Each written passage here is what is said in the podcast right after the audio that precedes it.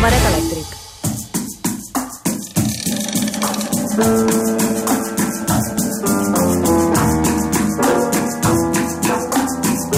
I ha arribat l'hora al cabaret elèctric de concurs de mocs amb Quique Ramos. Bona nit.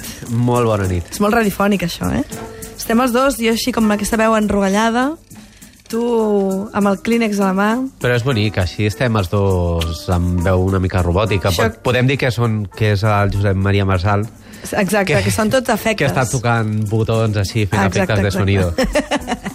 Sempre la culpa és dels altres, ja ho sabem. Sí. Avui volem parlar d'una banda que es diu Teen Agers, amb guió al mig. I és un disco que tu et vas trobar un dia pel carrer. Bueno, pel carrer, per una bueno, botiga de no discos. exactament. Jo...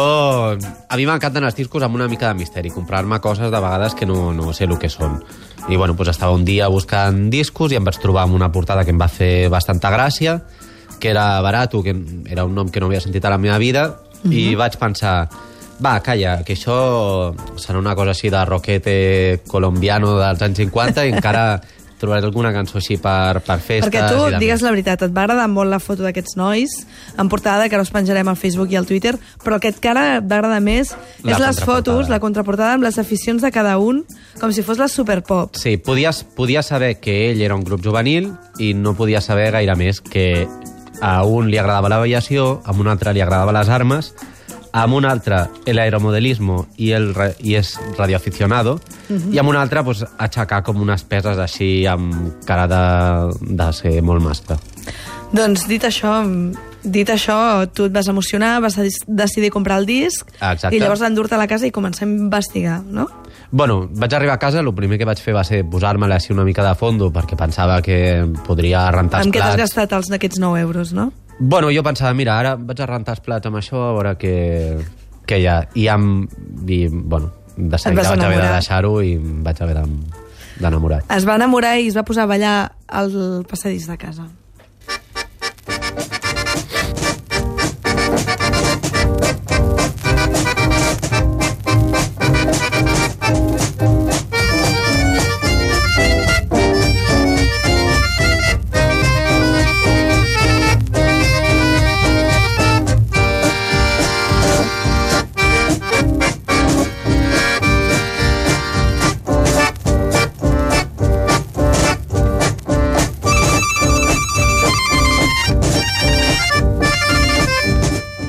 Vas sentir aquesta cançó que es deia Vírgenes del Sol, atenció, I vaig pensar, però a veure, què nassos és això? Això no havia de ser roquete, no és el grup de rock jove... de patilles, de tios allí... Els mojeres de Colòmbia als anys 50. Ah, exacte. I vaig pensar, hòstia, a veure, això què és? Em vaig posar a buscar perquè era com això, una barreja com de cúmbia, de- d'acordions, així com de banda sonora de Nino Rota. Una mica cúmbia trencada, no? Cúmbia Sí. deconstruïda, eh? Passada Exacte. per les mans de... de- d'uns manasses. vaig començar a buscar i vaig trobar diversos teenagers. Evidentment vaig trobar el Frankie Avalon, vaig trobar-me uns teenagers d'Argentina, vaig trobar-me uns teenagers de Colòmbia també, que és de- d'on són ells, uh -huh. i vaig pensar, ai, calla, que seran aquests. I llavors només veia com músics que no sortien aquí, i pensava, això què és? És inventat? Són uns teenagers previs? No Això ho sabia. ha fet un tio a Collserola aquest matí. O sigui, tot munt de dubtes, no? Vaig buscar, vaig buscar Discogs, que és així com la base de dades de discos Més bèstia del món. Més bèstia del món. Hi havia diversos discos d'uns tals Los Teenagers, però que no estava.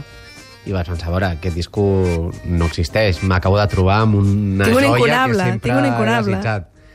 I, I, bueno, la veritat és que em vaig alegrar molt, però estava una mica ansiós de, de conèixer algun detall, encara que jo hagués d'omplir els buits.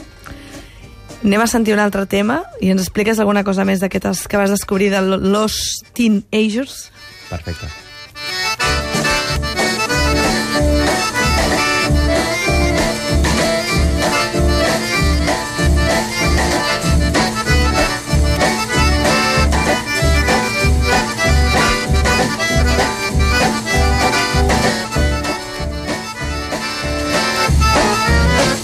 Què vas averiguar? vas averiguar alguna cosa o t'ho vas inventar tot i vas haver d'escriure una bio falsa biografia dels teenagers? En un principi m'ho vaig inventar una mica. Um, vaig estar mirant pels textos de la contraportada i per la portada i, bueno, semblaven quatre joves colombians, en 50 més o menys, perquè no, no posa la data tampoc, però, bueno, semblava que era això. Uh, parlaven com dels grups que els agradava, que deien que els agradava el jazz, els nous ritmes americans, el rock i tot això, i llavors em vaig imaginar, hòstia, realment, els anys 50 eren una cosa molt fotuda per ser d'un país no anglosaxó. Tu tens la teva tradició de cançó lleugera, zarzuela, jo què sé, pensant en... en Aquí, eh? En aquí. I de sobte t'arriben com uns ritmes així... Tens la Núria Feliu rock. o, o els Beatles que van venir una vegada, no? Exacte. I llavors és, hòstia, quan ho intentes imitar, aquella gent que ha estat sempre fent cúmbia, que totes les seves festes pues, han estat amb música Aquí tropical... estan cantant i tot, eh? Sí. A veure, a veure. Ellos te olvidaron, señor cocodrilo. Aquí te recibimos con toda la emoción. Aquí fins i tot hi ha moments així una mica de calipso, eh? Sí, sí, sí, també. És total. És música tropical.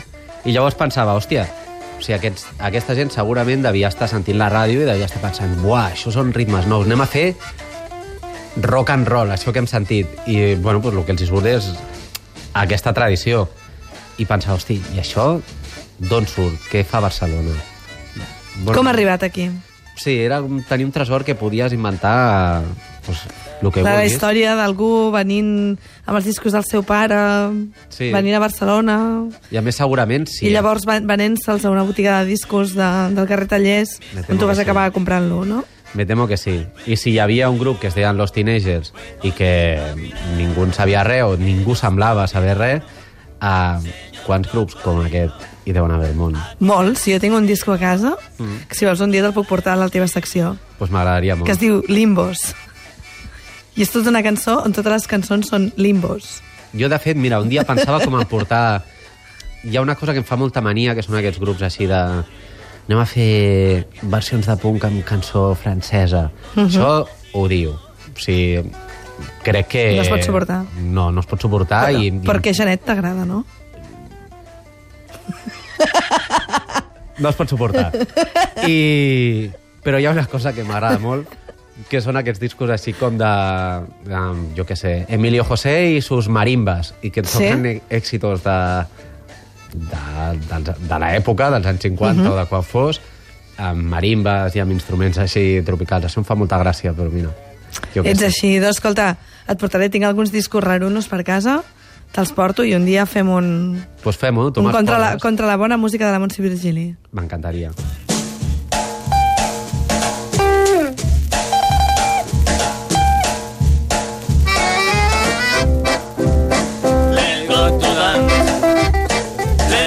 así.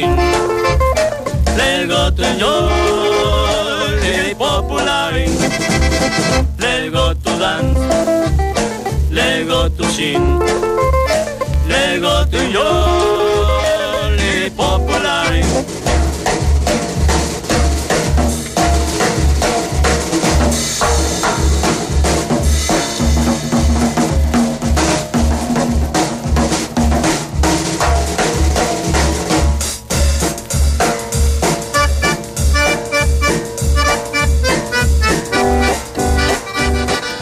Aquí descobrint Los Teenagers, on més us sentiríeu que el cabaret elèctric i amb Quique Ramos? És veritat.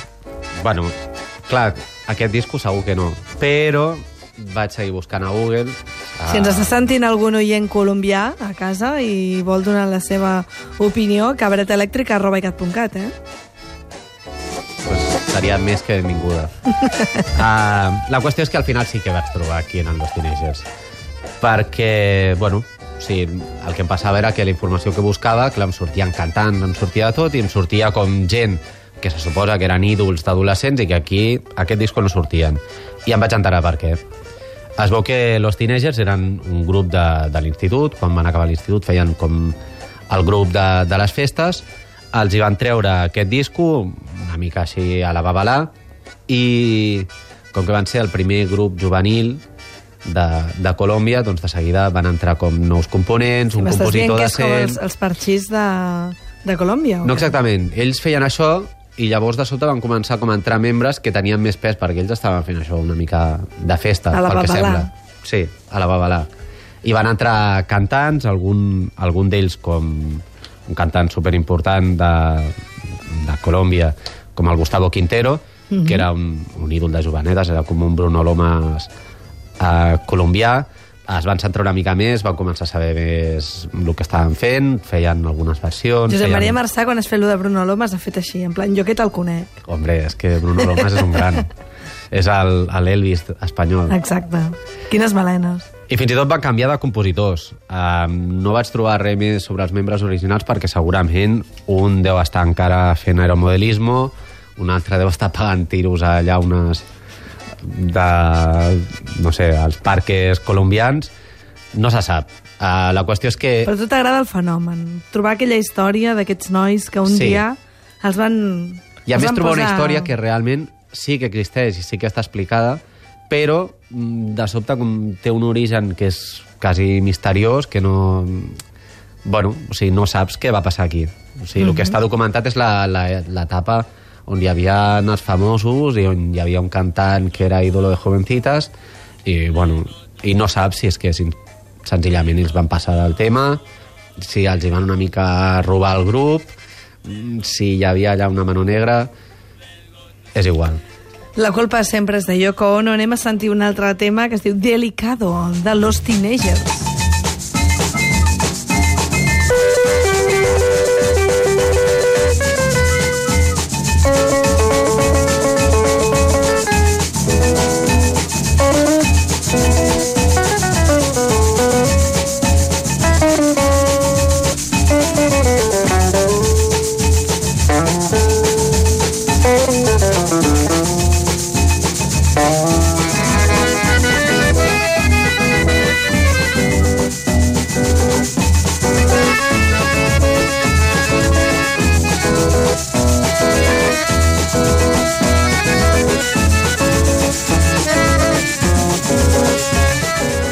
Impressionant. Dèiem aquí que sembla que s'hagin d'arrencar a fer-nos un solo i de Sí. sobte queda tot així com deconstruït.